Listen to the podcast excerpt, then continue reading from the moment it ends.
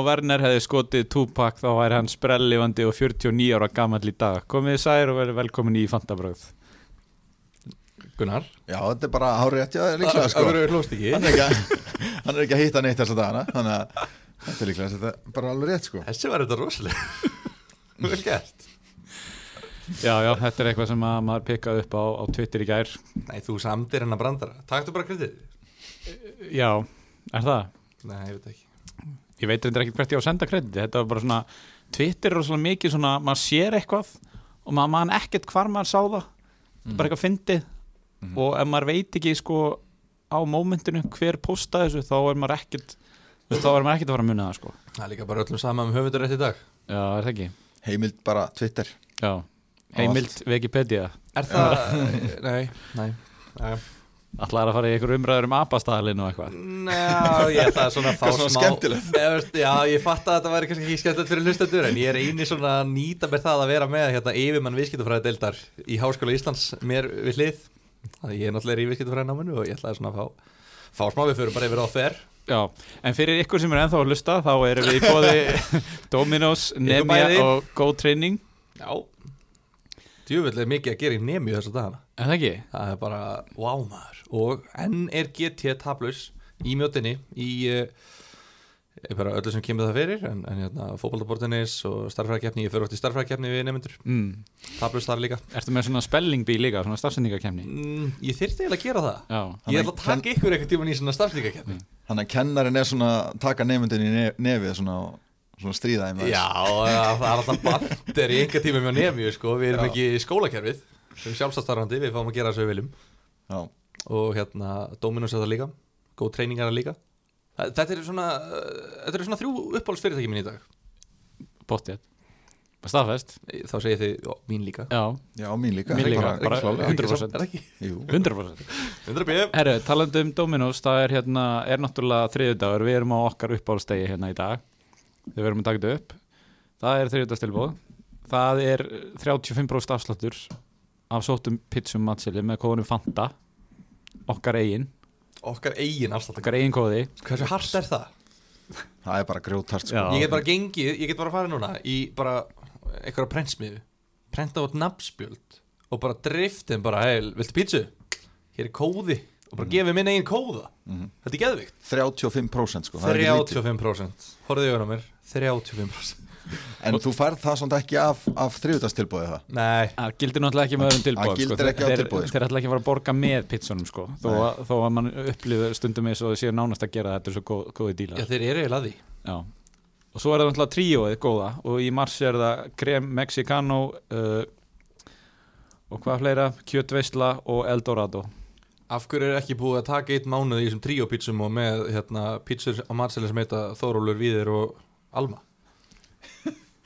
Ég veit það ekki sko. Þú veist, Þetta Já. er ástæðan fyrir því, sjáðu. Þið Dominos var náttúrulega að vera búið að ráða með sem markastjóra fyrirtækisins. En ég þarf að klára eitthvað háskóla gráða fyrst Pæliði, ég er alveg klári í þetta núna sko. Ætlar að vera með, ég er með sér hólf fyrir Þórólf. Þeir voru að gefa gós með pítsum um daginn. Frýtt gós með hverjum pöntunum Þegar að þarna eldgósi var að koma. Já. Á gott, Uh, herru, elska það förum að byrja þetta. Elska líka fantasy Já, hvað er þetta? 27. umferðin sem var að klárast. Já, og Já, við erum já. sko, ég og Gunni, við tókum Já. með þetta okkur Við ætlum að reyna að tegja þetta eins lengi og við getum introið Út af því að við erum að byggja upp eitthvað, Þetta er eitthvað fallegasta moment í sögu fantabræða sem er að fara að koma núna Mhm. Áttar þú það á því hvað er að fara að gera? Já, þú veist, við þurfum bara að setja undir romantíska tónlist og hvað ekki Við, gertum við þyrftum eiginlega að vera komnir aðeins lengra í tekninu og setja eitthvað svona, eitthvað dæmi sko. Hvað erum við búin að býða lengi eftir þessu mómenti ángríns? Síðan ég byrjaði þáttinn Já, Síðan ég og Aron byrjuðum í oktober 2012 Já. Hefur þetta ekki gerst En við erum að brjóta blæði sögu þáttarins Aron, Já, má bjóða þær að byrja að fara við liðið þitt heldur betur ekki. Yes, Takk fyrir. Ég við klöpp Í líka maður. Takk fyrir, takk fyrir. Fantasívél Ég vil bara þakka mömmu og pappa hefur alltaf staðið bak bakið á mér. Ekki alltaf gúttir ákvarðandum í þar en trúðu alltaf á því já, Já. trúðu alltaf á mig. Herðu, ég, sko við erum náttúrulega að þetta upp þegar eitt leikur eftir íferni Pældi þú myndir ekki enda austur. Ef þetta er bráinu myndir bara sko þrennu eða eitthvað. Og Úff, hérna, já en þegar við erum að taka þetta upp þá er ég lang efstur á okkur. Já, Ekki bara efstur, Já. lang Já. efstur það er ó, óhætt að segja það. Með 77 stig. Uh, 32 stigum yfir average. Vá, og er að eiga býstna góða umferð. Við, Þetta er ótrúlegt. við tölum oft um sko, uh, þú veist, good game week to have a bad one. Þetta var sko uh, great game week to have a good one. Já, já, mm. er sammála því. Algjörlega Þú fórst á móti strömmnum með kafterinn. Það var langflesti með sitt í og mann. það er auðvitað það sem er að, að búa þetta til nummer 1, 2 og 3 hjá mér að hérna, ég talaði um hérna ég er líka svo ánæður, ég talaði um þetta bara í síðasta þætti þegar Davíð var hérna með okkur Já, já. að, að ég ætlaði bara uh, að taka svona ákveðin sjens og, og ekki að kaftina sitt í mann í, þegar þeir áttu tvo leiki heldur að setja bandi á Kane þegar að margir voru búin að uh, vera með trippulkaftin á hann í síðustu umferð og ganga kannski ekkert ekkert geðvikt, geðvikslega vel þá hann hefði skorað eitt mark. Þannig að ég setti fyrirleifbandið á Harry Kane sem að lagði upp tvö mörg, skoraði tvö og hirti allan bónusinn og fekk 38 stig fyrir það. Sem er jafn mikið og Gunni með í öllu liðinu sínu, er það ekki? Jú, betur á því á eftir kannski. Shit, maður, svo er það bara með tíu leikmenn sem er að, að leika sér. Eh, Oh my god. ég, Jæja. ég spilaði hérna Bruno. Fekk 10 stig þar. Uh, keifti Martínez í markið maður. Komið tími til. til er það ljúft. Er það ekki? Jú. Bara velkomin á vagnir já, takk fyrir. Er þetta ekki fyrir. bara gaman? Þetta er svona eins og að fara í, á mynd í bíó sem allir eru búin að segja mér að sé góð svo fer ég á hana og ég fæ bara svona hlýtt í hjarta. Hún er actually já, góð. hún er actually góð. Fólk var ekkert að grínast. Já, Horfðu á leikina? Já, já. Komum kannski betur á því já, En sko málið er samt, eins og þú, þú ert búin að vera með svona, fólk kannski tengir þig við markmannin Gaita já Í. Í- Sem á er- þess tímbili, já. sem er góð markmaður Mm. en hérna, hann elskar að halda hreinu fyrstu 80 mínúturnar og svo fer hann í nývasettið og bara pjú, pjú, pjú, fyrir að fleia þeim í bakið á þér Martín, uh, leikurinn núna var alveg eins, hefði alveg geta hent nývasetti nema hann ákvað bara verja döðafærin í lokin en ekki fá á sig mörkin. Þannig að bara tjúðlega þetta gaman. Já. ég samklæst þér innilega. Heru, svo fekk ég 8 steg fyrir Marcos Alonso sem að spilaði. Já, fekk 2 bónus. Uh, og svo er þetta bara svona, jú, Son átti eina stóðfestningu svo er ég með Bamford, Gundogan, Sala Dallas, Stones og Cancelo sem náttúrulega gerði eða ekki neitt. Bara bókstað ekki nýtt já. Uh, þá, já, þá telli þetta 77 stig eins og er. Það segir kannski allt um gengi mitt á leiktíðinni samt sem áður að, að ég er ekki einu sinni komin í topp miljón sætin sko. Hvað ert því núna? 1,3 ár 1,3 já Hvað ertu ekki búin að fara upp um halva miljón eða meira? ja, 300 og eitthvað þúsund. Shit maður. Vel gert. Herru, Gilvi, þú varst næstur. Um, Látum okkur sjá 53 stig meðaltali 45 og uh, já, það er eiginlega bara Kane sko sem er að gera það. Kane og Bruno. Ég skil ekki hvernig fólki datt í huga að bekka Bruno.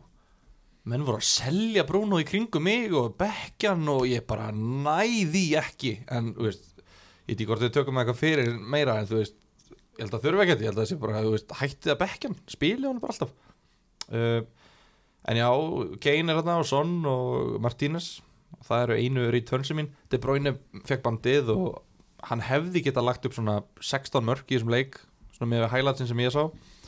Uh, og uh, svo keifti ég náttúrulega Rúdíkir uh, Rúdíkir og hérna hann var búinn að halda hreinu og allir hafa gaman og, og svona skemmt- skemmtilegt.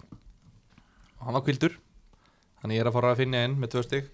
Seldi náttúrulega fyrir Rúdíkir og seldi ég sjó sem fekk hvað 14 stig held ég í umfyrinni Já, þannig að hérna hefði betur slefti en svona, þú veist, ef við eigum að vera alveg hreinskilir þá var ég aldrei að fara að spila honum í þessar umferð. Þannig að hérna, ég er, ekki- þú veist, yfirleitt er ég pyrraður yfir svona hlutum, þó þetta sé góð þetta er alveg rétt ákverðin, þú veist, Mhm. mér finnst það.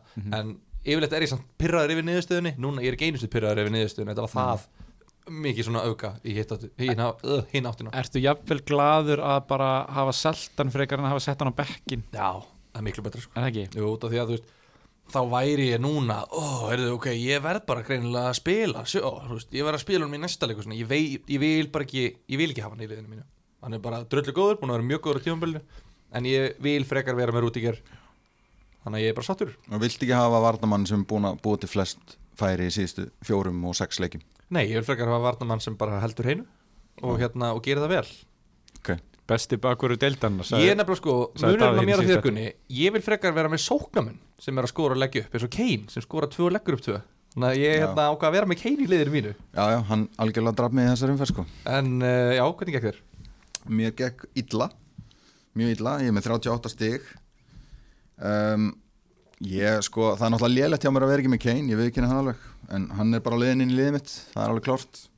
Hann bara lítur bara manna best út af öllum Núna, finnst mér uh, Mér finnst ég hafa verið óheppin með uh, Bamford og Rafinha Fyrir þá sem sáu leikinn á Leeds í gær að þeir áttu báðir bara nokkur dauða dauðafæri sko og voru að leggja upp á hvern annan. Og Rafinha lagði meðal hans upp mark fyrir Bamford en hann komin einhver millimetr út af Mér finnst þetta svo krútlegt orðsögur nota þetta að lýsa þessu. Tásuramstæða Já, hann, Þetta var tásuramstæða svo var tásur hann staðið mitt líka og svo finnst mér líka að vera mjög óheppin með Diagni ég held að ég og, ég og þú Gilvi séum einu tveir menninir bara á landinu sem verður með hann. Hann er með hérna síðustu fjórum leikjum þá er hann með hæsta XG ennþá. Ennþá. hann er ennþá. Hann er- með hærra XG í síðustu fjórum heldur en Kane. Þetta er ekki einu sinni gömul tölfra Þetta var geggjur tölfra fyrir þremleikjum eða eitthvað. Hún er ennþá í gangi. Hún er ennþá. Hann er- með flest hérna, döðafæri eða big chances 6 og, og flest skotin í teig og Kane er inn í þessu sko. Kane, Kane er líka með. Já, já, bara allir. Ok, þá er ég búin að segja það. Ég minnst ég verið að vera óheppin með þessa menn. En þú veist, einu stíði mín í umferðinni eru Martínez og, og Bruno. Nei, byrju, Son ná- náði einu assisti. Hann er í þessu markaflóði, hann náði einu assist. Þannig að þú kannski vannst XP-ið í þessar umferð af okkur. Já, Svona hægsta XP já, en, sko Já, það góða við þetta er að ég, Mér finnst ég geta verið bjarsinu upp á framhaldi sko. Þó að það hafi gengið illa núna Þá lætur þetta mér líða betur upp á framhaldi sko. Já, þú svekkir, svekkir þið bara á þessu í dag og svo bara í næsta umferð. Já, og svo náttúrulega er ég með Luxio á bekknum með 14 og ég ákvað að spila Robertson hérna, sóktjarfi, muni eftir sóktjarfa hérna bakverðin með Liverpool. Hann átti heimaleika móti Fúlham ákvað að spila honum. En nei, nei, það er bara, þú veist, ég er búin að vera með Robertson núna lengi og hann gerir aldrei neitt. Hann reyndar fyrir þá sem hafa nefnt að horfa á þessa leiki þá er hann alveg hættulegur, hann er að leggja fullt af færum og svona en, en það er bara ekkert að detta hjá Liverpool, það er bara ekkert í gangi þar. Í mér líður allavega hrikalega vel að vera Liverpool laus í liðinu mínu. Ég er ekki með neitt Liverpool mann og ég hugsaði ok, heimalegur á móti fúlam Þetta er uh, áhættu samt í viðkynni það en hérna, eftir leikin ég var bara wow, hvað er fegin og bara fegin líka að mista leiknum, ég gæti ekki hort á hann Þannig að hérna ég- já, maður heldur bara alltaf með við gæðin í þessu liða að þeir hljóta að fara að snúa þessu við allavega að vinna eitt leikin á milli sko. nei, nei, en þú Nei. veist ég held þessi svo ég, var- ég, skrítið. ég var ekki að skoða um daginn, ég held þessi með 13 stig á síðustu 42 Já, býtu ég las hvað, þeir eru búin að tapa sjö leikjum á síðustu 11 og þar áður voru þeir búin að tapa 5 á síðustu 83 eða eitthvað.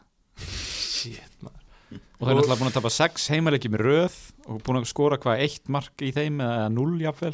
Þeir hafa skorað eitt mark á árinu á heimaðalli held ég og það var víti Já, á móti City Er ekki? það ekki?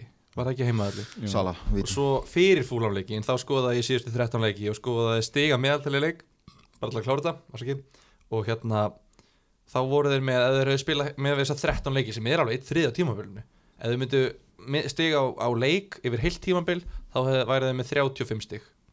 Mhm, sem að hefur þýtt fall yfirleitt. Og hérna og svo bættist við tapleikur núna móti fúlam þannig að hérna, fúlam væri þá að vinna þennan 60 leik í fallbaratunni þannig að hérna, ma- maður er bara að gráta sko.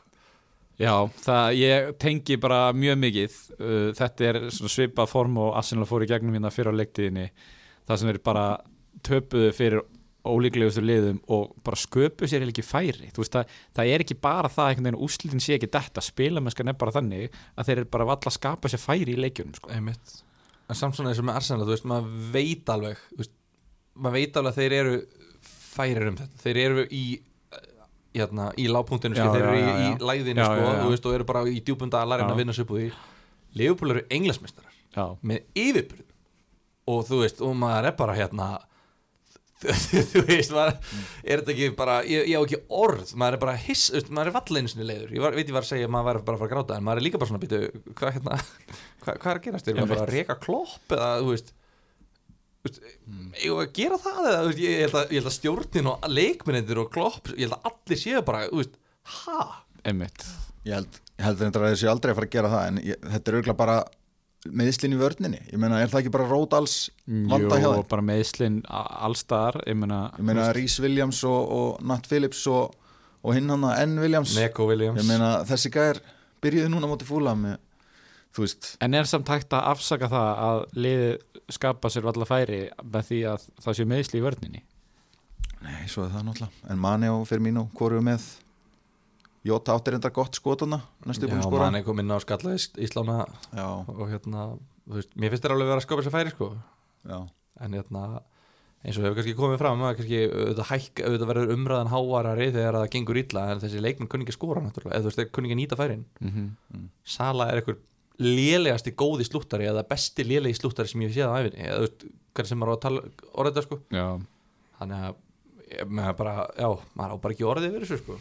ég- sá líka einhverja tölfræðið mitt með Sala að, að hann væri búin að eiga mjög lítið að færum núna í undanfjörnum heimaleikjum en tölfræðin hans og útvelli væri allt önnur í undanfjörnum leikjum. Það er eitthvað sem að maður heldur svolítið í. Ég, ég er með Sala, ég ætla að halda honum fyrir næsta leik það er útileikar á móti Vúls og ég held með svolítið í þessa tölfræði að ég er vonað hann skili, fari hrökk í gang núna. Það er fullt af fólki búin að selja hann og, og þetta er svona, hann er að vera differential sem er svolítið skrítið. Mm -hmm. en mjög stegt ég myndi samt selja Herru, sko við fengum uh, hvað, 2-0-0 leiki. Það var Aston Villa Wolves og West Brom Newcastle. Já, já, Diagne var ekki alveg klár. Nei, Diagne hæsta XG í umferðinni með 1,05 ætla hann sé ekki bara að fara í Newcastle eftir tímabilið? Ætla hann sé ekki bara búið að ganga frá því og hann hafi ekki viljað að hérna ja, hæst, sorry, hæsta XG af þeim sem skoraði ekki fyrir ekki já, já, já.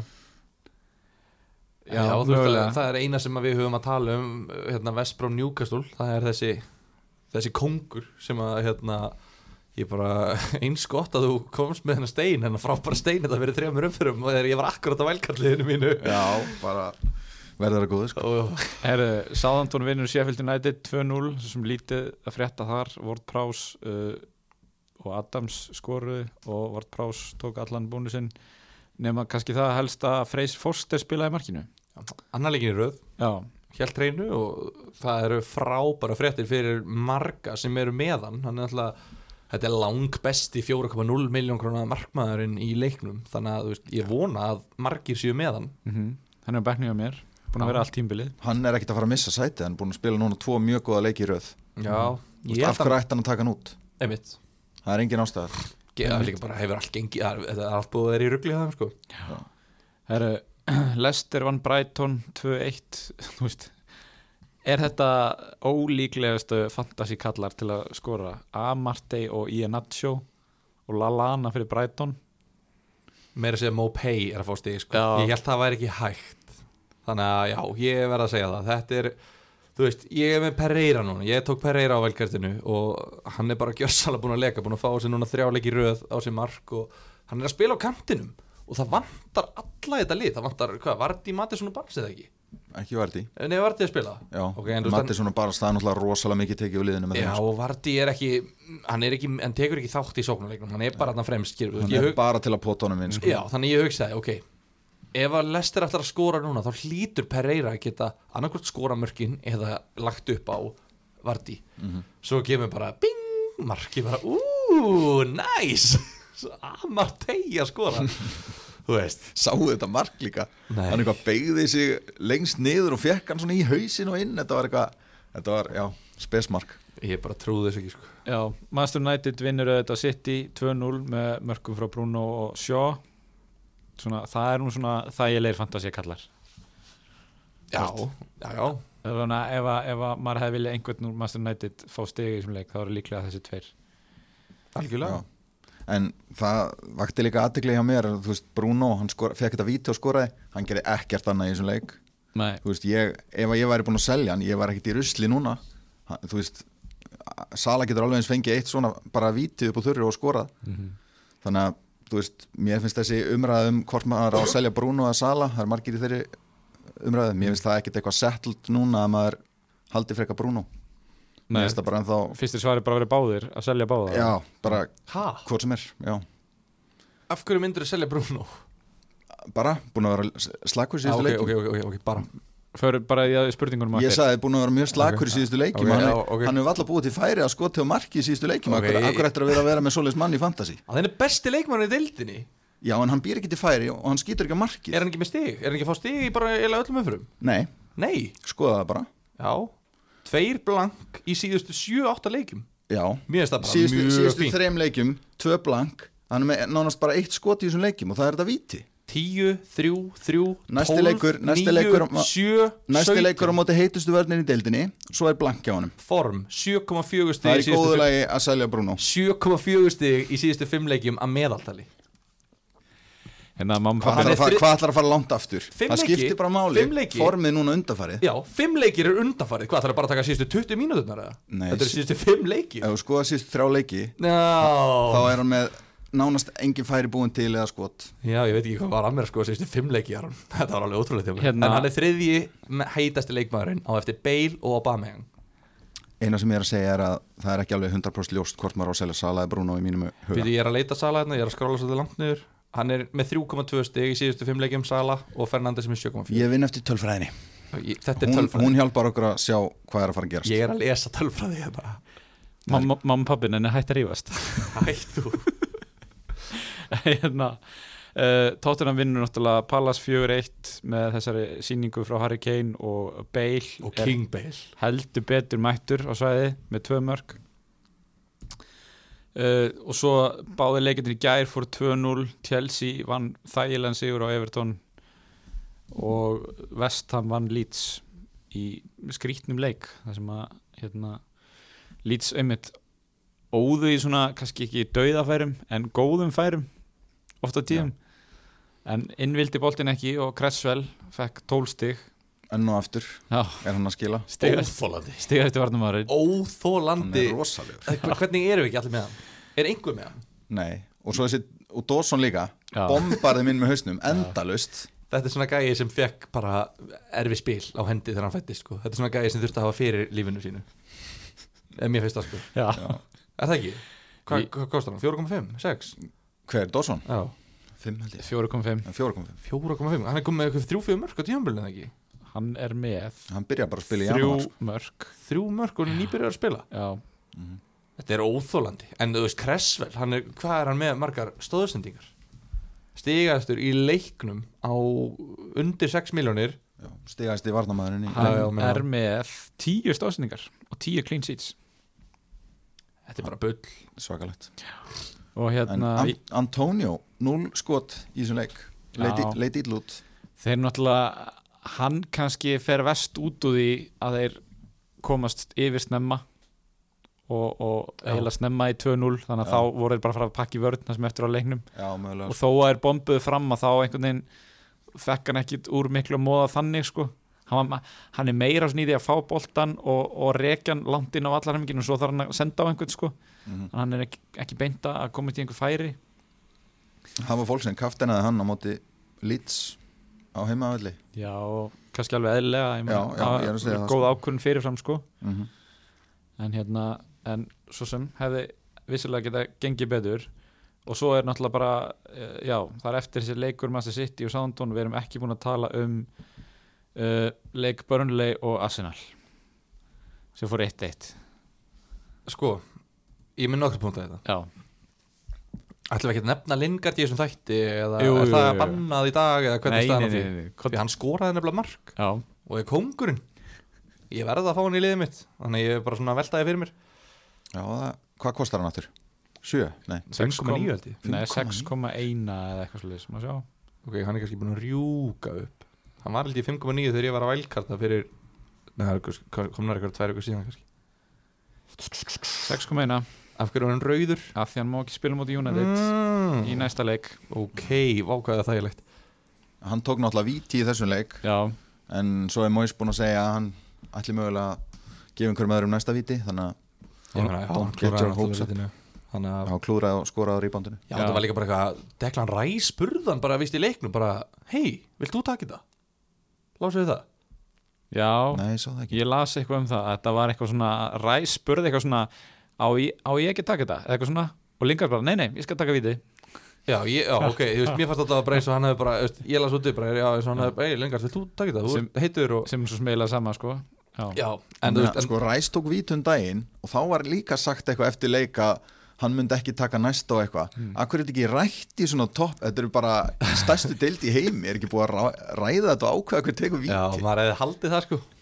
Ógæslega skríti En hérna, já, ég vildi bara koma í svona framfæri. Að hann, hann skoraði og hann er, hann er mjög ofalega lista en ég fattaði ekki að hann mætti náttúrulega ekki spila á næsta leik. Þannig að þá erum við ekkert að fara, hann er ekki að fara að kaupa hann fyrir, ekki núna, nei. fyrir automatís blank. En í umfyrinni þar á eftir það náttúrulega eru áttalið að spila og hann er eitira mm uh, Hvað var meira, já, Burnley Arsenal.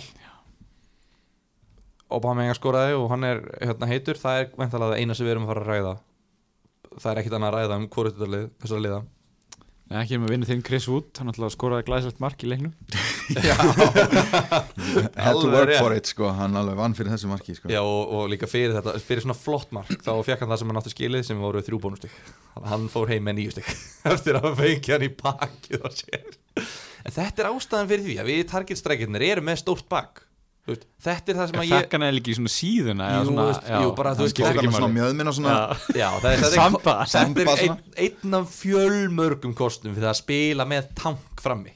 Þetta er það sem ég er búin að vera að reyna að segja lengi í elliða og við fleiri hérna, þjálfara í öðrum liðum spilaði með tank frammi, þú veist aldrei hvernig hann færa hann í belgin og þaðan inn. Þannig að hérna, vonandi er þetta le- lesson learned fyrir alla. Já, nú heyr ég að þeir eru báði búin að sjá þetta mark. Já. Af því að þú sendir okkur þetta mark og neittir okkur til að horfa á þetta Hérna, sko Hvað hva finnst ykkur? Á, á sjaka þetta mark alveg skuldlaust eða er Berlenno einhver ábyrð á þessi, þú veist? Hvað gæti Lenno gert? Ber ekki bara Arteta ábyrð á þessu? Já, Hann mögulega. skipar þeim að spila svona. Já, Sama þó að það er pressa alveg í bot mm sko, Það það er kannski alveg hægt að fara fram á það við menn sem er að fá einhverjar 20 miljónir á mánuði, nei á viku að hérna, ja, ég veit ekki hvað margar miljónir margar miljónir að þú veist ná að sparka boltanum fram hjá leikmanni, ég veit það ekki. Já, af því að þú veist, í raun og veru það, það eina sem Sjaka á ekki gera þarna er að rekja boltan í, tilbaka í áttina markmannum sem hann gerir. Hann á annarkort að sparka honum í fyrsta til hægra vinstri eða bara hreinlega gefa aftur á markmanni sem sparka það bara út Já, ég man ekki, ég, ég horfði bara á þetta ég, ég hló bara sko. Já, já. ég, ég sett það sem lítið hann að gera. Nei, nei, þú náttúrulega sem Arsenal stuðnismæður verður náttúrulega að hafa þess að greina þetta til þess að Já, þú finna hvert þú ætti að beina reyðinni sko. Já, já. Þannig að hérna, En það er ekkit eins og Woods sé eitthvað að pressa hann bara. Hann er bara eitthvað stendur hann Já, svolítið frá honum bara. Hann á ekkit von á þessu. Þetta var fyrsta marktilurinn börnlega í leiknum held ég. Að við séum að kalla þetta mark tilraun Þetta var ekki þessi tilraun, þetta var bara mark. Nei En hérna, já, ok, sko. Bamjang skoraði og svona kannski fyrir þá sem ekki horfa á leikina að hérna, Niklas Pepe kom inn á og var mjög líflegur. Já, uh, hefði geta fengið vítaspinnu það verður nú að segjast. Ég sagði ekki. Nei, og hérna og svo hann skot eh, sem fór af varnamanni Burnley í slána og, það var dæmt rautt spjald og, og víti en svo var það tekið tilbaka. Vegna þess að boltin fór af öxlinni á Erik Peters. Mm. Já, en þar áður hafið auðvitað hérna boltin farið sko sáuði ekki í hendina sem sagt, sem Jó, að- ég er búin að Já, sjá það. Hjá Burnley. Já, En eitt var skandallinn sko Já. Þetta er bara orðið frekar þreytt sko. Það var, hann var með útrétta hendi og Peppi ætla að rekja boltan fram hjá honum í svona 1 og- meter 1.20 hæð og sparka boltanum beint í höndin á honum. Mhm. og það er bara ekki dæmt. Var skoðað þetta á ákvaða dæmi ekki neitt þannig að hérna og eina sem ég sá voru bara hlutlausir og, og, og stöðningsmenn annar liða sem voru bara að segja bara ef þetta er ekki víti þá bara, ég veit ekki hvað er víti í fótbolta ef þetta er ekki víti. Nei, Það hljómar ekki svo viti Eða, þú, Nei, þú veist, ég er ekki að reyna að vera leiðilegur kannski svona það verður alltaf leiðilegur og leiðilegur að vera með einhverja dómarumræðu hérna, sem gammal dómari sko. Já. en hérna, en, en eru ekki við sáum hérna Kante. Já, og við sáum hérna fólk var þetta, einmitt að bera þetta saman við það já, við erum, þá var ekki dæmt heldur það nokkuð. Og hérna, og við erum búin að sjá fleiri skipti, þú veist, það er bara núna þeir eru ekki að dæma þegar, að, þegar boltin er kannski í meters fjarlæð og honum er sparkað í höndina þú veist, þá eru þeir ekki að dæma á þetta. Og þú veist, samkvæmt reglunum þá er eiginlega óviljandi hendi á bara ekki að vera víti samkvæmt reglunum. En svo er þetta alltaf tólk Þannig að þú ert í metisfjalla frá anstæðingi með boltan, þá getur bara sett út hendina Já. og bara nota hana sem hluta líkamann Já. og fengi boltan í því viljandi já, eða og grætta því og það er ekki dæmt viti nei, veist, fengi hann já, í rauninni. Það er ógæslega aðstæðlegt Já, en það er þessi regla búin að vera í töl, stöðugum breytingum núna síðustu 5-6 árin og þeir eru alltaf að breyta, þeir eru reyna ok, prófum þetta. Getur hérna fótboltaheimurinn samþykkt þessa reglu þar sem að var fyrir svona 5-6 árum þá var bara, ef höndin er fyrir utan líkamann þá er bara viti og þá var bara viti á allt. Og fólk var ekki að fíla það, ok prófum það að breyta þessu, ef að þeir eru óviljandi þá hættu við því. Og veist og fólk, fólk var ekki að fíla það heldur. Þú veist, fólk, þetta snýst ekki um hendið eða ekki hendið, þetta snýst bara um, er þetta liðið mitt eða ekki liðið mitt, finnst mér sko. Já, já, vissulega, vissulega. Það sem kannski manni finnst grítnast í þessu er bara það að svo í síðustu umferð þá var dæmt mark af fullam það sem að sóknamaður er með höndina alveg við líkamann. Já, boltinn fer af honum og, og að þeim fannst í höndin honum og þess vegna er markið dæmt af. Og þar komum við inn á hinn hlutan af handareglunni sem er í knaspinu lögunum að uh, sóknamaður má ekki skora eftir að boltinn fer í höndin á honum. Sama hvort það sé viljandi eða óviljandi. Þannig að það er ekki sömu reglu sem gildum sóknamenn eða varnamenn og það stendur bara í reglunum Já, þessi regla er miklu skýrari einmitt. það er bara að þú mátt ekki, ef, ef hann snertir á litla putta þó hann sé alveg uppi bringuna á þér þá mátt ekki skora þannig og, og, og eitthvað svona. Og ekki bara- heldur liðsfélagi eða, þú veist, Nei, í, að- í aðdraðanda marks Já, já, þú veist, en það verður, þú veist, þetta er bara blaskir en ef ekki hægt að tala um þetta? Jú, er það ekki bara. En sko, ég, ég er ennþá að býða því þú veist uh, hérna, þú tókst þarna svona eins og hérna völlurinn og sí, gera þeir ekki ennþá. Þeir tóku, en þú tókst bara, já, Tottenham vann fjögur eitt Krista Pallas og Chelsea vann Everton 2 og hérna og tölum að sem vestam Leeds. Ég vil líka ræða beil já, þú veist, ég veit bara megnið að spurningunum eru um hann þannig að Mm. dætt í huga ef ekki bara fara í spurningar næst. Ó, sniður ég viss að ég átti ekki að efast um þig sem þáttasjóðan, ég ætla aldrei að gera það aftur. Thank you. Erum við að fara að kaupa beila nú er ég til dæmis með síðustu þrjáleiki og það er náttúrulega bannað að líta lengra en síðustu þrjá þegar að skoða tölfræði. Og hann er búin að vera mjög góður síðustu þremur hann er að fá 35 stig í síðustu þremur leikjum. Sko, ég er með bísna miklar og, og hérna sterkar skoðanir á þessu. Uh, Ég er með Son og Kane. Þannig að fyrir mig er þetta spurningum er ég að fara í trippul-up sóknarlega í tóttinam eða þá að skipta Son út fyrir Bale? Já þeir kosta jafn mikið er það Já, ekki? ish, er á þú veist, það er 9,5. allavega vel hægt að gera breytingun úr Son yfir 9,6. Bale. Uh, Venjulega myndi ég segja nei. En núna þegar að ég er með stort vandamál í liðinu mínu sem heitir Mohamed Salah ég finnst að vera að segja það þá er ég pínu bara svona ok, af hverju á ég ekki að selja Salah fyrir. Þú veist, annar þeirra er búin að fá fullt að stigum í síðustu þreim leikjum og hinn er ekki að gera neitt og er í liði sem bara skora ekki mörg. Og þú, og er 3 miljónum dýrari. þú ert með vælkarti líka eftir ekki? Jú. og þú ert að fara vælkarta fljótlega eftir blank gaming, þú varst búin að segja það sjálfur ég Já. er ekki að segja það.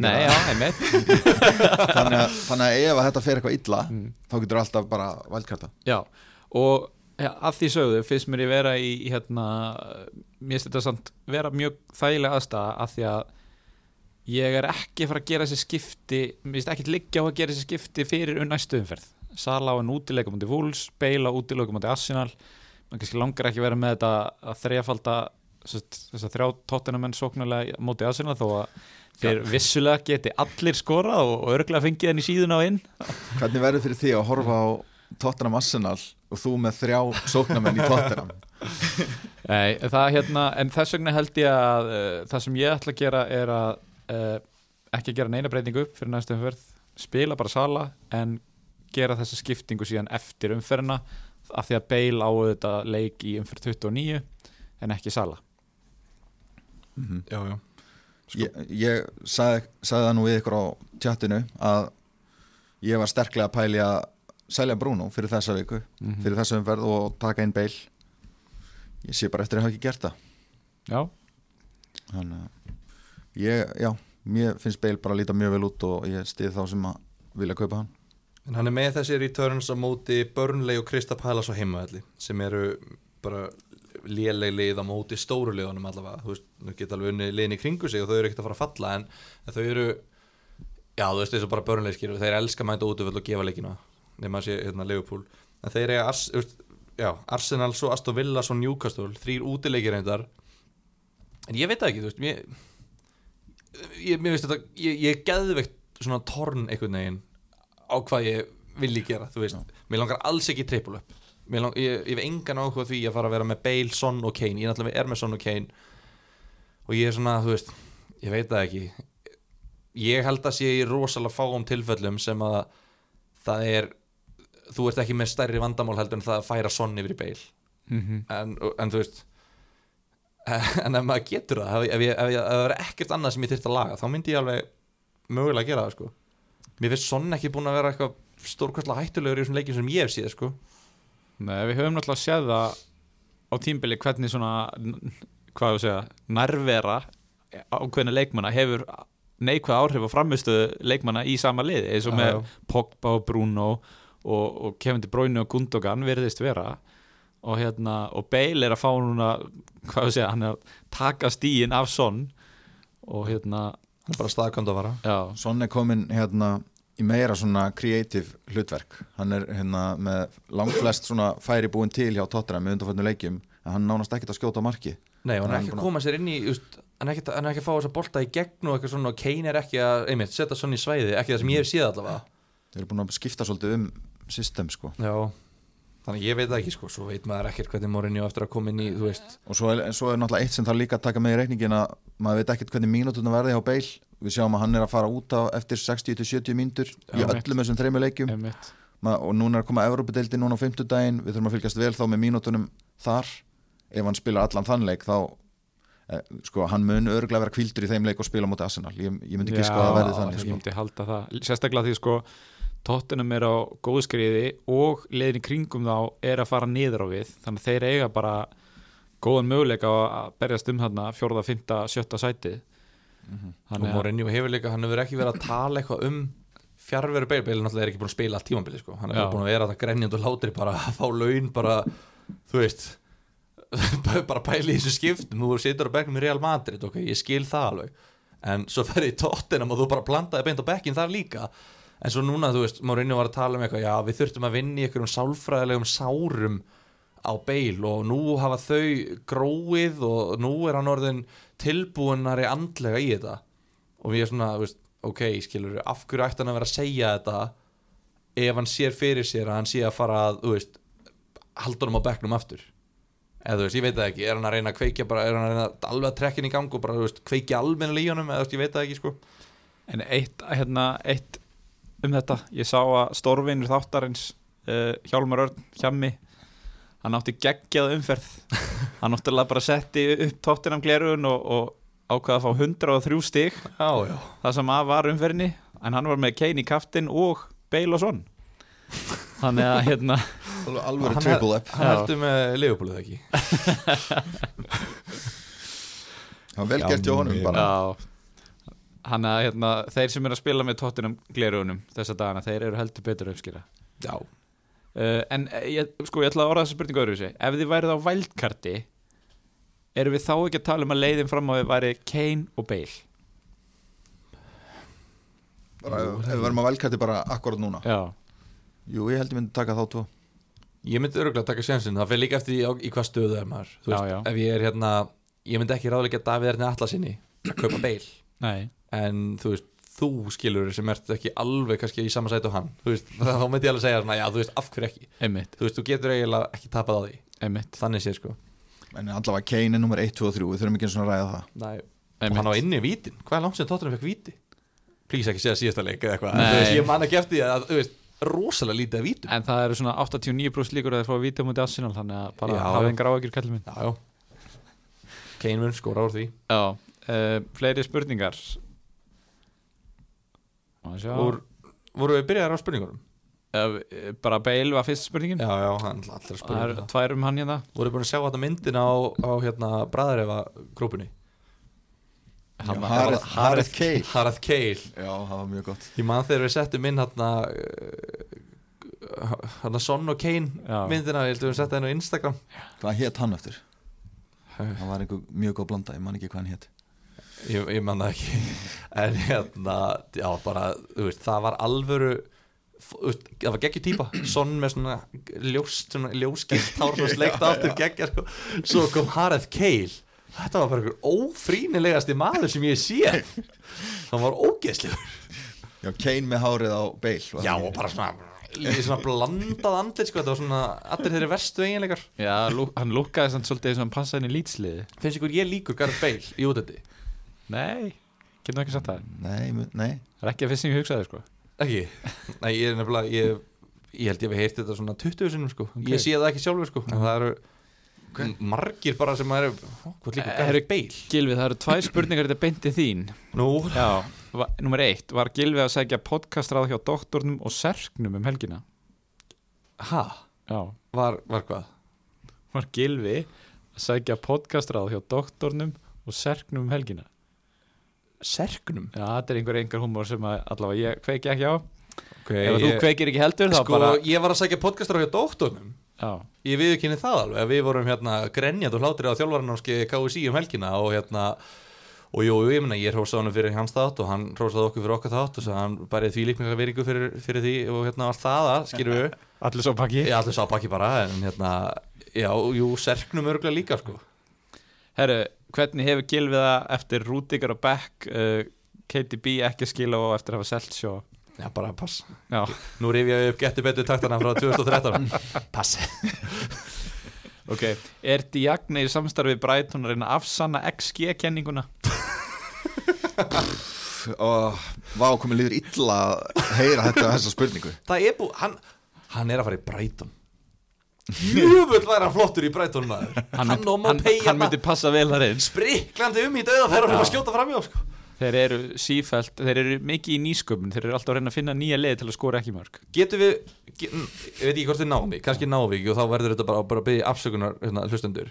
Getum við sett upp lið svona mest frustrerandi fantasy leikmenn? Við værum með Diagne frammi Já. og Werner. Já, Já um, Ég veit ekki. Nei, kannski, við gerum að einasta þetta Já. Tökum aðeins saman, skoðum þetta. Er heimaðina sko. Þetta er heimavina, já. Já, Ég held ok. að það sé lendingin. Uh, Síðasta spurningin er kannski svona uh, ein, ein sem við getum rætt í smá stund. Hvern á maður að transfera inn fyrir næstu umferð? um, Allavega einhvern sem á leik í 29 Já, það er svolítið svona óþægilegt hvað hún einhvern veginn skiptir miklu máli í þessu. Já Fyrir þá sem er ekki að fara að fríhitta þá, þá Þú veist maður verður að fara að plana fyrir það sko. Bara- En sko, við erum með Brighton Newcastle. Og, í næstu umferð. Nei, í umferð 29 Já. Við látum það alveg vera. Fúlham á leik í umferð Já. 29 Við látum við það alveg vera akkur Ég ætla að fylla liða Brighton vörnumönnum Hæ? Ég ætla að taka 1-2 Brighton varnamenn Nú? Já, þeir- ég þú er veist, alveg, alveg sammála því, þú veist hérna, Þeir Newcastle get ekki skorað Þeir eru með Wilson, Fraser og St. Max frá. Nei, fyrir ekki ekki Fraser heldur. Æ, einhvern annan góðan soknamann Wilson og, og hérna St. Max og Almiron. Já, Þeir eru allir frá. Ekki að því. Þeir Var- get ekki og var skorað. ekki þrýr fremst um helgin og voru Fraser, Joe Willock og Joe Linton. Já. Ég held að Já, það er náttúrulega líka því líka hérna, veikingin fyrir Newcastle að Joe Linton sé ekki metur sko. Já. En hérna Nei, ég sko, ég held þessi aðeins að rugglast núna með Newcastle sko Því að þú veist, Steve Bruce mæti bara í leiki sem hann absoluti þarf að mæti. Þú veist, hann er bara, þú veist, ef hann, ef hann þarf ekki að mæti vinnuna þá gera hann það ekki sko Nú, hvað, hann skoraði ekki móti West Brom um helgina. Nei, hann bara sildi stíginu, fekk bara hérna, útvöldastegi og allir Já, sáttir ef hann gerir 0-0 þá er ég sáttur. Já, en Brighton er alltaf að fara að skora. Þeir ná alltaf að skora Já, verða- Newcastle er ekki að fara að skora. Nei, þú veist, en út af því þeir þurfa að skora til þess að ná í stig á móti Brighton út af því að Brighton mun skora þá mun Newcastle skora. En já, Brighton er alltaf með hátt XG en mannstu þeir skora aldrei Já, lalana og, og hérna. Ég held allavega bara, ég, mér finnst þetta allavega ekki eitthvað svona klift á skori Nei, Jú, okay, ég, Þú varst að byrja á einhverju svona ræðu hérna. ég, ég var bara svona yfir Ég, ég var bara að útilokunarreglum Já. Brighton Newcastle, mér finnst það bara leikur sem að maður bara lætu vera. En þú veist, ok, ef eitthvað þá vörn í Brighton. Já, Ok. uh, Sammála því. Já. uh, Fúlham er að keppa við sitt í næstu umferð Þannig að við ætlum að láta þá vera. Við ætlum Já. ekki að kaupa þá núna. Að Og þeir eiga lýtsjum fyrir 29 Já, uh, einmitt og Leeds á Chelsea í næstu umverð Chelsea er með þú, veist, þú ert ekki að kaupa varnamenn í Leeds kannski og, veist, og Chelsea er með rosalega vörð þannig að ég myndi ekki vera að kaupa sóknamenn í Leeds núna. Mm -hmm. það er ekkert mikið eftir sko. Vestham Arsenal uh, Arsenal, nei takk. Vestham á útilega mútið Manju núna í umferð 28 Já, Já. þannig að veist, ég vil ekki kaupa neitt úr þeim leiðum. Nei, Eftir stendur Aston Villa og Tottenham. Aston Villa á Newcastle útivelli.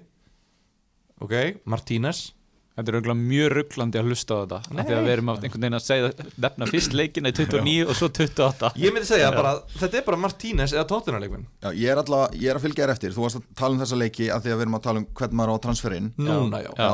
Og mér finnst með við þetta leikmenn hérna í Tottenham. Já, það er, það er eina liðið sem að ég, e- eftir að hafa notað útilegunum aðferðina, eins mestaralega ég var að klára Mhm. þá mér finnst bara, já, mér finnst tóttina bara eina liðið sem að við erum að horfa á. Það er svolítið þannig uh, hva, hvern myndu þið taka varnarlega? Nú er mikið búið að tala um hérna Regulón eða Reggie eins og ég kalla hann. Já. hvað finnst ykkur um hann? er það óhætt? nú spilaði Ben Davies Crystal Palace leikinn til dæmis. Ég vil persónulega ekki vera með neitt varnamann í tóttinam sko. Já, en hann er náttúrulega lang, lang hættulega stuð fram á við, Regi Lón Já. en, þú veist, Mér líst alveg ágætlega á hann sko. Mm hvað kostum 5,7 eða eitthvað? -hmm. 5, eitthvað. Myndi maður ekki freka að taka Cresswell eða, ég ætla að gera það. Þú veist, Regi Lón er ekki nála því að vera stigast í varnamæðurinn í leiknum sko.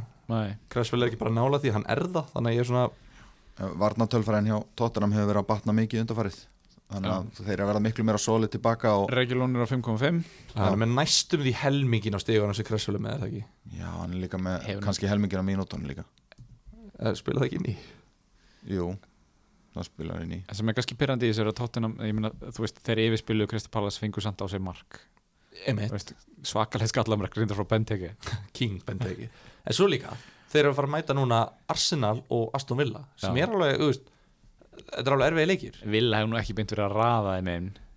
En, en vissulega er þetta erfið leikur þetta eru liðin í kringum þá. Já, þetta eru liðin sem er í Európa-delta baráttu við Tottenham. Og þetta eru útileikir þú veist, gætu við ekki séð Mourinho og mæta bara með Ben Davies og fimm hana vörn og segja bara við Baleson og Kane bara hérna, Ég sjáum um þetta bara. Já. Ég veit, mér finnst mér finnst það Mourinho-legt sko, ef ég ætla að reyna að lesa í mannin. Já. Ok, svo, þið svarið fyrir ykkur. Allir þið að gera breytingar fyrir næstu umferð? Eða eru búin að gera breytingar? Sko ég er ekki búinn að það, ég lærði því af síðasta frekjukasti og ég ætla að þess að róma niður og ná jafnbæði Nei, ég ætla ekki að gera breytingar. Ég, Ef ég ger eitthvað þá var það til þess að taka Kane inn. Hann er náttúrulega að rjúka upp í verði og, En ég þarf að taka hitt til þess að ná hann inn sko. Ok, Þannig að annarkvort ger ég ekki eða að taka hitt til þess að ná hann Kane. Þú ætla þá að selja Calvert Lúin og Diagne gerir ráð fyrir. Diagne fyrir ekki neitt. Hann er að fara að spila á köldustu vörð deildarinnar í næsta leik. Og þá mun hann raðaði minn Hann er 100 p að fara að skora á móti Krista Palast þegar hann gæti ekki skora á móti Newcastle, Everton og Brighton. Og Burnley líka. Crystal Palace er með hæsta, næst hæsta XG conceded síðustu fjórun leikjum. Er ekki Newcastle með hæsta? Sheffield United með hæsta. Sheffield United maður. Já, herðu, ok. Hann er eitthvað lagði upp á móti Sheffield, það má eiga það. Það var reikalega vel skemmt í honum. En hérna, já hvað segir þú varst, þú ert ekki að fara að selja hann? Nei, ég er að horfa á einhvern af þessum Nei, ég er náttúrulega með Robertson í vörninni kostar 7,2, hann er bara þú veist, ég geti selt hann og tekið inn einhvern hræðóttir hann. Mhm. Eða Cresswell. Já, ég, er endar, ég var að skoða þetta hann mm. Ég er 0,1 frá að geta selt Robertson og Calvert Lewin og tekið inn Kane og Dan Burn sem kostar 4,2 í Brighton sem að spilar í 29 Er Ég Burn að spila? Hann er að spila alla sko. Tækja metra bakverður hann Sko, en White. Hann er dýrari, hann er 4,4 En Veltmann, hann var 4,3 árið ekki? Jú, Er hann ennþá í liðinu? já. Var ekki langt að ég að koma tilbaka? Hann var að hóta því eitthvað, svo kom bakslæði meðslinn og eitthvað. Mm, þannig að þetta er Veltmann, Burn, White og Dunk Já. Ok, heyrðu, ég væri alveg til að skoða þennan Burn þá. Þeir eru ógeðslega ódýrir þarna í vörninni hjá nefnilega, sko. Míða við líka, þeir, þeir, þeir tók utan tímabil þar sem þeir lókuðu fyrir markið. Svo er þeir konið í smá pásu núna.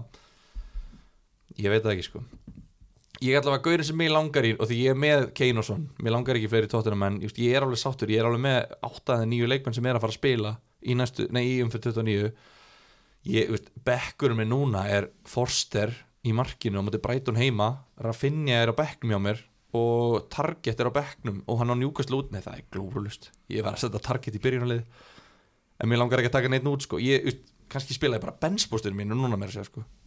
þannig að hérna ég þarf ekki að gera neina breytingar og ég ætla að eiga tvær breytingar fyrir 29 þá veit ég svona aðeins meira hvað ég vil gera og þú veist og, og hérna get púslað aðeins meira liði þá Já, ég, ég er búin að stilla upp mínu lið og ég hérna, finnst mjög líklegt að ég geri enga breyningar til að eiga einni tvær fyrir 29 Ertu ekki að fara að selja Barnes? uh, Jú, það kemur að því Fyrir Lingard í 29, er það pælingin? Já. Já. það er bara nákvæmlega pælingin og hérna, ég myndi einmitt gera ég veit ekki hvort ég myndi gera það breytingu núna ef að Lingard mætti spila næsta leik Nei. en hérna en ég ætla að setja að selja þá uh, Barnes, Sala og uh, líklega anna, uh, já, líklega Cancelo og kaupa Cresswell, Lingard og Bale Alvöru Hver er staðan á Grílis? sko, fólk er eitthvað að tala um að hann sé bara í meðferð Meðferð? já, Út af söfnpillunum einhverjum pillum og bara einhverjum vandamáli sko. Ok, ég held Það að var væri fréttin sem að við heldum að væri Dele Alli Já, þannig að já, það kom frétt eitthvað að ónefndu leikmaður væri í vandræðum pillufíkn, ertu að tala um það? Já, en þá reynda stóð að hann væri líka búin að eiga í vandræðum innanvallar og það væri frekar ósangjart að segja að Grílis eða átt í vandræðum innanvallar sko, hann er búin að vera bara besti leikmar deildarinnar Já. Já. En ég meina, þú veist, allt varðandi þau meðsli er eins óljóst að það getur verið.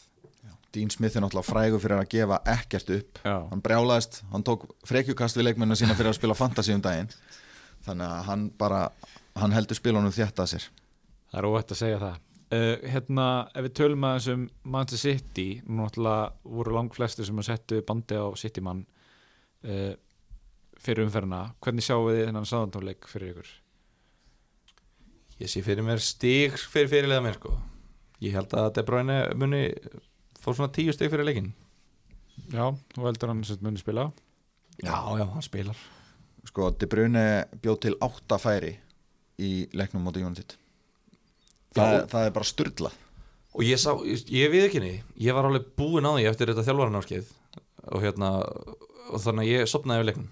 Svo vaknaði ég bara og sá bara æja, 0-2, Luxjó jæja, jæja, ok, ok og hérna skoðaði hælaðsinn og þetta var bara, þetta er bróinir sjó. Mhm. bara því, veist, og ég fór að hugsa þetta. Mér finnst þetta að gera svo oft. Þetta gerist þarna jafntöflunum mótið á FBA þá fekk hann tvö bónustig Mm í eitt eitt jafntöfli þar sem hann kom ekki hann laði ekki upp markið að skora það sko. og ég bara, váka ég sé þetta ofta hann er að búa til enda laust ég held að hann sé of góður fyrir þetta lið. Eða bara fyrir hvaða lið sem er. Ég held að hann Já. sé of góður í fótbolta þannig að þú veist, eins og fyrirgjöðar þær eru svo geðveikar ég held að það sé of fastar.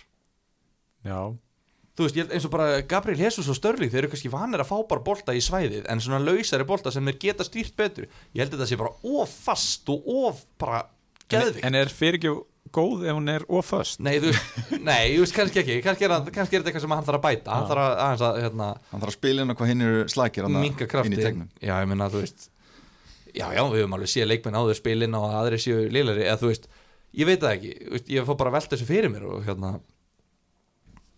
það, það hlýtur að vera eitthvað ástæða þetta sé að gerast trekk í trekk í trekk Mhm. hann væri kannski bara í þessu liði hjá mér þetta frustrerandi leikmenn, þú veist Já. af því hann ætti að vera með svona 500 stig á hverju tímambili og ekki gleyma því líka, hann er búin að komast einn í gegn og klúðra líka mjög oft á, á tímabilinu Já, hann er líka svona point dodging þar líka sko. já þannig að hann á heimi í þessu liði, það er alveg rétt þér Hverjir haldið að spili en á sáðantóleik? þetta er bara gisk út í lofti er bara draga upp hattinu með það. sko, ég, ég er með Díaz, Cancelo og Gundogan Já. það getur gæst að spila allir það getur gæst að enginn aðeins spili Mm Þú veist, þetta er bara að krossa fingur og vona sko. Við vorum samt svo sem að fara yfir, yfir þetta hérna í síðastu, síðasta þætti með, með Davíð að þú veist, ég er alveg hef ekkert breyst með það, þetta er Ederson Díaz og De Bruyne eru garanteraðir með 90 mínútur í hverjum leik aðrir gætu verið rótitaðir ég, já, ég er ekki, ekki jafn viss um þetta og því sko. ég, mér finnst það bara að vera Ederson hann spilaði um daginn með Laporte og Stone sko. Já, þeir eiga fúlam úti síðan um helgina. Var ekki Laport í bakverði þá eða? nei, Díaz var ekki með. Einu leik um daginn. Ah, okay. Það er eini leikurinn sem hann hefur verið kvildur þegar ekki Díaz? Hann er búin að spila 90 mínútur í öllum öðrum já, leikjum. já, það er rétt. Og De Bruyne, ég man ekki hvernig hann var kvildur eitthvað tímann í fyrra þegar hann var búin að vera middur Já, en það eru samt aðra að, að, hérna, aðstæður núna vegna þess að núna setur hann væntalega allt púður í Champions League. Hann er nánast búin að sigla deildinni heim þannig að ég held að við gætum fara að sjá De Bruyne kvildan eitthvað í deildinni.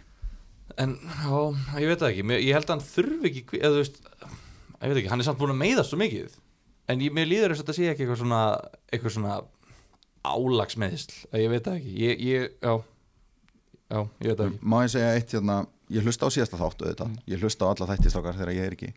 Annað en þú ja, þú hlustaði ekki á þáttu þegar við vorum tveir um daginn. Jú, ég hlustaði svo á hann Aha, okay. Já, En ég var svona þrem ykkur með sveit Þú veist, Ok. ég er svona, ah, ok, ég Ég- viljað segja þetta. Já, ég hlustaði um daginn og hérna, þú sagði Gylfi að, að Gundogan hafi ekki verið að skila sko áður en að De Bruyne mittist og hafi svo stíð upp þegar De Bruyne mittist og ég svona mér myndi að þetta væri ekki alveg rétt, þannig að ég fór í heimaðinu fór bara að tekniborinu og fletti þessu bara upp. Og hérna ég, ég tók fimm leiki áður en að De Bruyne mittist, semst Game Week 14 til 19 og síðan fimm leiki eftir að hann mittist Þú hvenna meðist hann? Í 19 Já, hann mittist í setni leikjum í Double Game Week 19 Ok. og svo tók ég Game Week sannan 20 til 24 og bar saman. Og hann hérna hann skoraði fjögur mörg á fyrra tímubilinu og sex mörg á hinu tímubilinu þannig að hann skoraði meira, deliveraði betur það er alveg rétt.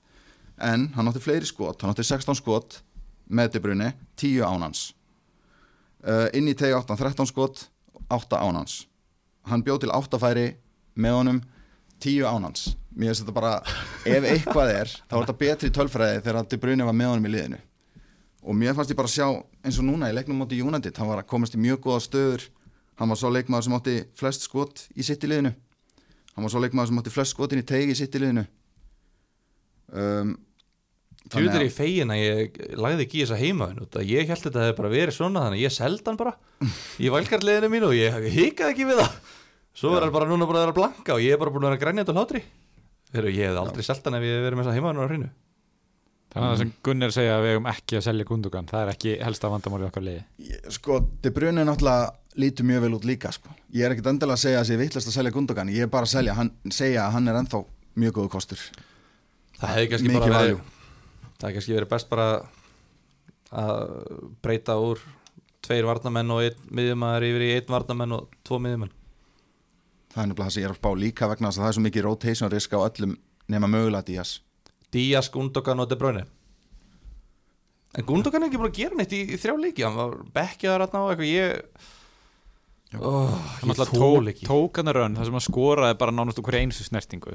Já, og var bara grenjand og hlátri Já, þannig að hérna þú veist, það er auðvitað erfitt að keppa við það en, en hérna eins og Gunni var nú bara mjög vel gert Gunni að koma með þessa tölfræði að þá er maður kannski ekki að fara að selja hann með þetta.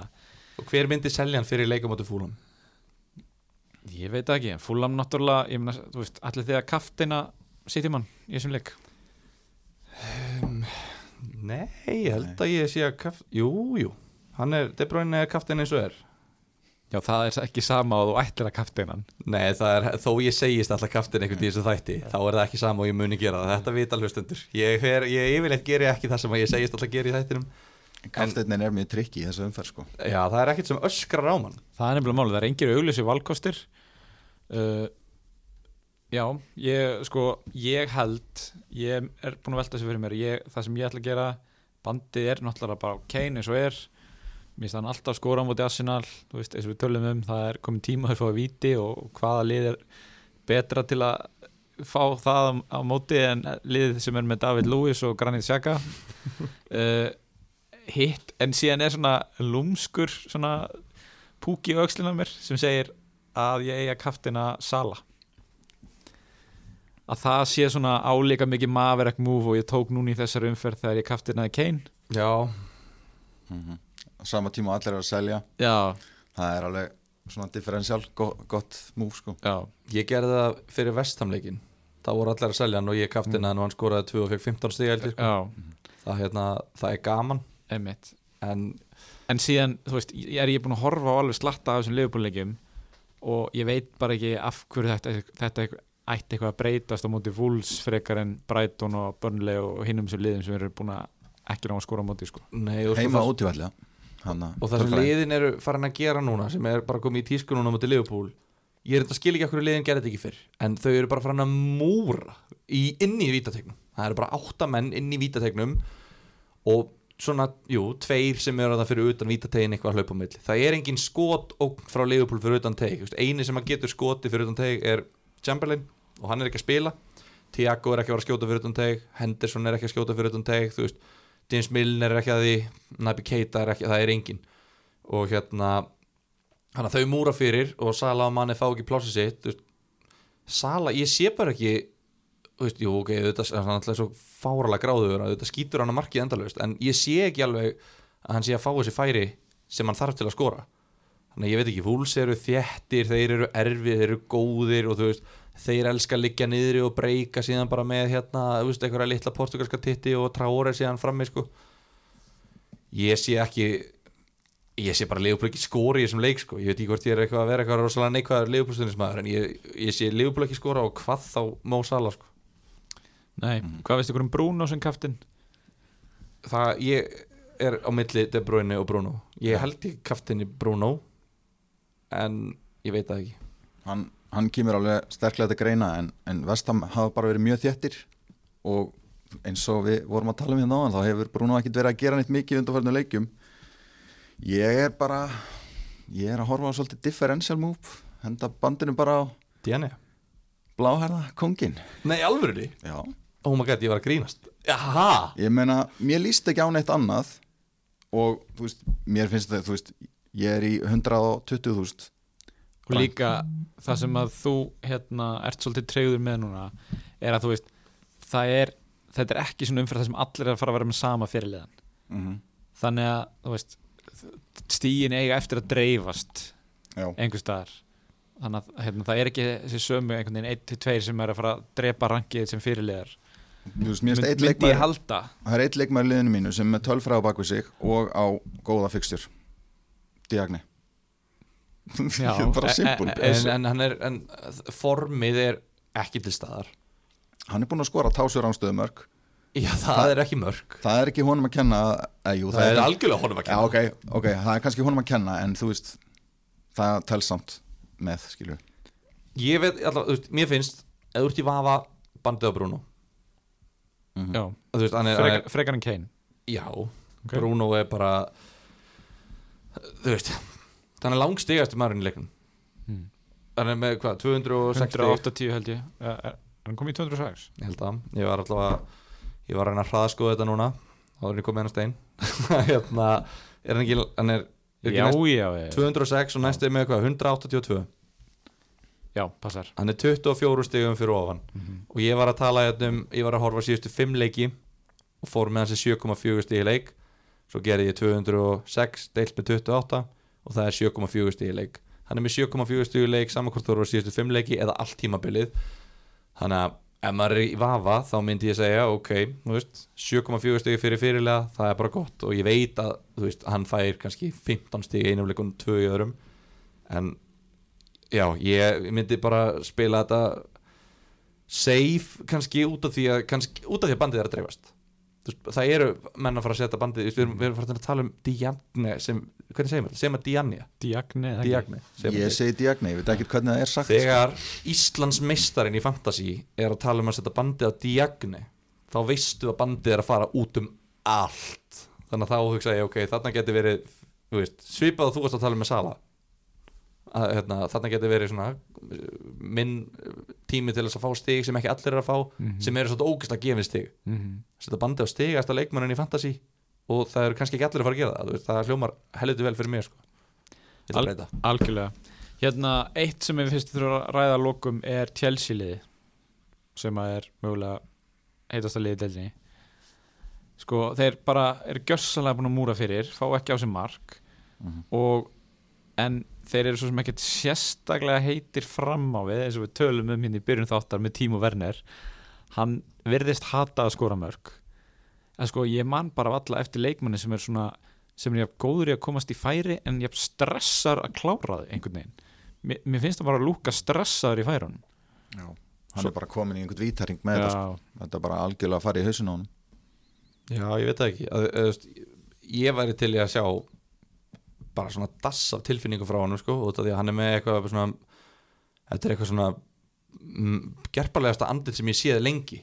Og hann klúðrar og hann er bara bara, þú sérð engin sviprið frá hann, þú veist, ég hef talað mikið um hvað ég hata Gabriel Jesus og hans sviprið en það er allavega sviprið, þú sérð allavega svona augabrúnum það er að vera svona að geta leiðar þegar hann klúðrar Werner er bara, þú veist hvað er að tala um. Já, en það eru svona semi alltaf þannig. Já, en, en svo verða það er svo ekstra Það er extra bara lóðréttar eiginlega þegar hann klúrar En Werner, mér finnst hann alltaf eins Hann bara, hann bara, þú veist, klúrar og það bara Þú veist, einhvern veginn eins og, eins og það gerist ekki Bara dead face, alveg Já, saman og ég bara, þú veist, síndu eitthvað smá, þú veist, verðu smá fúll með að klúrað þannig að ég veit ekki hvort hann sé stressaður ekki út að ég sé það ekki, svo er hann þjóðveri líka þú veist, þýskur, eða stressaður þjóðveri er eitthvað sem ég aldrei hýrt um sko.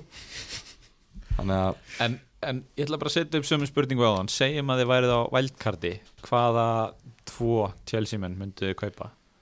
Og eða, þú veist, mynduðu kaupa einhverja Chelsea menn Já, hérna, maður taka þessa? Hérna, Ég myndi taka Alonso og Rudiger. Ok, af því að hérna, mér finnst, þið voru að tala með mitt í síðasta þætti sem ég hlusta á að, að hérna minnstri með Alonso vs. Chilwell væri svona ekki alveg jafn skýrt og, og eitthvað fannst að vera áður mm. og þú veist, mér finnst minnstri kannski núna vera orðið að Chilwell spilar þessa erfiðarleikja mútið stórlegunum og Alonso minnileikina, það sem eru mögulega að fara að sækja meira liðin sem liggja meira tilbaka og svona Mm uh, og Alonso hefði hægulega geta bæði lagt upp og skorað í gær hann eiginlega lagði upp Já, hann bara Já. leit mjög vel út hann átti hérna sendingu á Kai Havertz sem skauti í varnamann og Já, sem endaði sem sjálfsmark. Já. Hann að Kai Havertz fekk stóðsendíkuna þannig að mér finnst hann alveg líta vel út. Ég get alveg sagt mig við einn og einn leik á bekknum sko, ef maður er bara með annan Já, og svo fekk hann dauða færi hans bara slappi einn, einn í gegn í lók fyrirháleiks og ég var búin að senda á okkur á, á spjallin okkar hérna fyrir leik að að hann væri að fara að skora og ég ætlaði að vera ægilega sniður svo slapp hann í gegn, ég hugsaði bara, nei, anskotin er ég að fara að hafa rétt fyrir mér, sko. Hann einhvern veginn náði að- klúra því með einhverju skrýtnu skoti og Pickford varði. Þú veist, ég er með Alonso hann á ekki leik í 29 hann á Leeds núna næst og, og þeir ættu, ef hann spilar þá svona, er góða líkur á clean sheeti. Svo eftir það eiga það nefnilega West Bromwich, Crystal Palace og Brighton. Og svo vestam og fúlam já, og svo Vestam og Fulham sko. Fjórir og fimm leikjum hann vel djúsi sko. Já, þeir eru með bestu varnatörfræðina í deildinni. Síðustu fjórum búin leikin að fá þessu hvað tvö mörg síðust tíu leikjum eða eitthvað? Já, þar eitthvað var eitt hann Bara tvö sjálfsmark mörk. hjá Rudiger. Já, Já. en já, ég, just, ég náttúrulega er mjög hrifin af Alonso sem fantasy-leikmanni, þetta er eitthvað lélasti varnamann sem ég séð bara í öllum flokkum, öllum deildum öllum og hann er löndum. farin að taka hotn líka. Já, þannig að hérna og hvað það, ef Kurt Zuma er að fara að spila eitthvað meira sko, þá ertu með auto assist í hotnum bara í hverjum leika eiginlega. En erum við ekki samt með Rudiger var þetta ekki pottet bara að hann var kvildur í þessum leika jú, ég, þú veist, mér finnst að vera maðurinn hans Tuchel sko. Er það ekki? jú, ég hef ekki ágjörð þessu er Aspili Keta búin að spila alla leikina hefur hann verið kvildur? ég held að hann sé búin að spila alla en hann er svolítið dýrari eða ekki Jú, hann er örugglega 5,5 eitthvað svo leiðis annars væri hann alveg líka möguleiki sko. hirti hann ekki allan, allan bónusin í gær hann er bara Það bónuspunkta níu stig, segur sko. sko. hann er búin að spila 90 mínútur hverjum einasta leik síðan að hérna, Tuchel tók við okay. og búin að skora eitt mark og hyrða bónus í hvað þremur og síðustu fjórum leikjum já, hvað kostar hann? hann kostar 5,7 5,7 já, svolítið mikið sko. þegar Rúdíkar er á já, 4,6 samt sama og Alonso þú veist, ef, að- ef að þú veist í pæli að taka tvo hann er Alonso er með kannski Meira- meira, meira goal threat já, en, en hérna já, ég myndi ég myndi bara taka Rudiger sko. Ég held ég myndi ekki hjóli Alonso. Ég myndi frekar taka Cresswell eða einhvern annan heldur en Alonso. Já, erum við þó ekki bara tæmdir eða? er það ekki? ég er með eitt punkt hérna um sitt í vördina já, við höfum verið að tala mikið um að hún sé ógeðslega góð sem hann hefur verið. Mhm. en við erum að sjá núna síðustu fjórum leikjum. Við því hvaða sæti þeir eru í deildinni með expected goals conceded 13. ég vil að giska á áttunda. Þeir eru í níunda sæti. Þeir eru með níundu bestu vördina í síðustu fjórum leikjum. Skett. þannig að þú veist það komir óvart og það líka segir manni kannski eh, tí, kannski tími tveggja varnamanni sitt í að klárast, ég veit ekki. Er þetta hérna Ég- hafa, hvernig hafa mörkin verið sem þeir hafa fengið, fengið þessu mörg víti? Út af því eins og þegar þú færði á á þau víti þá færðu expected goals against 0,8 Já. En þú veist þú ert bara að gefa víti skilur þú veist, þú ert ekki að það er ekki expected penalties given í hverjum leik er ekki 0,8 þú veist, Mhm. skilur hvað ég meina? ég, man, ég man bara eftir vitunum móti United sko. Já, munið eftir fleirum ég veit ekki, að- því mér finnst svona þú veist, mér finnst vítin gefa svo villandi mynd og líka af XG, þú veist, ok, þú veist, þú fegst víti en líkurnar á að fáu víti eru miklu minni heldur en líkurnar á að skorir út víti þannig að þetta er eitthvað fyrir svona starffræðinga fengu á sig eins og okkur. mark hann á sig hann Antonio markið á móti West Ham uh, fengu á sig mark á móti Everton munið eftir því? Já Dinje skaut hann í stöngina og Richarlison fekk hann í En þeir eiga Sáþóndon heima, Sáþóndon hafa verið lélegir. Þeir eiga Fúlham sem að skora ekki mikið Þeir eiga brotna lestamenn Þeir eiga Lít sem að, sem að þeir munu léttilega haldar heina móti Þeir eiga Aston Villa sem er ekki sóknulega duglegir núna Krista Pallas, þurfum ekki að segja neitt um þá. Ég held að í næstu sex leikjum Við erum að sjá svona 5-6 clean sheet í næstu sex held ég. Ég er samt að við vorum að tala um að hvort að tími tveggja vartamann í sitt var liðin. Ég er með Stones og Cancelo og ég er bara drullu stressaður sko. ég ekki geta treyst á meir en eitt spili í, í hverju minnsta leik. Það er nefnilega máli sko. Er Þannig að ég held að þetta wildcard mitt í 31 að, að þegar ég gerir það þá sé ég að fara að selja allavega annan að þeim. Mögulega báða sko. Ef það verður eitthvað komið meir í ljós hjá Chelsea til dæmis hverju spila þar. Já. að hérna þá er það eitthvað til að hugsa um. En erum við þá ekki bara góður í bilið eða? Það Er ekki bara? Já, það er, Gilvi, þú ætlar að kaftina Bruno. Já, já, Já. segjum það. Gunn- Nei, þá ger ég það örglega ekki. Ég ætla að segja ég ætla að kaftina bara bara Diagne með Gunna Ætlar að segja það til þess að þú kaftin eins og Bruno Já, bara svo ég kaftin allavega örglega ekki Diagne Ég ætla rétt að vona að ég fara ekki í, í hérna jagir inn á þörstasköldi og fara að breyta eitthvað til sko. Nei, ég, að- sko, ég er ekki búin að ákveða þannig að það sé klárt. Ég er ekki búin að ákveða að Þú veist ekki tilbúin að gefa þau upp. bandinu og Ok, uh, ég held að þetta endi hjá Harry Kane hjá mér að hérna, hann er náttúrulega í biluðu formi og, og þeir eru mér finnst hann alltaf skora á móti Arsenal þannig að, Þá verður þú líka aldrei svektur nei, Þú verður aldrei fáranlega glaður. Já, ég er eiginlega tvítryggja mig sko. Já, þú veist, þú er svona, já, þetta er væntingastjórn þú verður bara staple. Sama hvað. Já, þú ert ekki að fara í göngutúr Þú ert ekki að fara að kveiki hlutum. Veistu hvað er að nýjasta? Hvað? Ég samþykti á laugadaginn að hérna, taka til í geimslunni Já, þegar Arsenal leikurinn var kveikt á honum í hálfleik sá hennar farsa sem hafi verið í gangi fram að því, sá þess að hendi þarna þegar hann tók tvígrip á boltan og eitthvað. Og ég bara slökti og sagði bara já, veistu, ég er bara til í að halda áfram taka til í geimslinni, svo fórum við á sorpu og mér leið bara þess að ég væri að henda öllu ruslinu sem kvildi á sálinu á mér og ég var bara, herðu, hérna, ég er með David Lewis í hvað gám fyrir hann? Það er þetta sniðið að fara í heimilisverkin. Þannig að hérna Skiptum þvóttavela núna vikulega bara. Já, Er ekki komin tíma á þessa? Þurfum við ekki að fara með henni í sorpu? maður er svona hraður og reyður sko, svona hæper svona. Já, já. Næri miklu í verk. Þar hafið það, hraður og reyður Hann er vinnu við. Hérna heyrumst í næsta þætti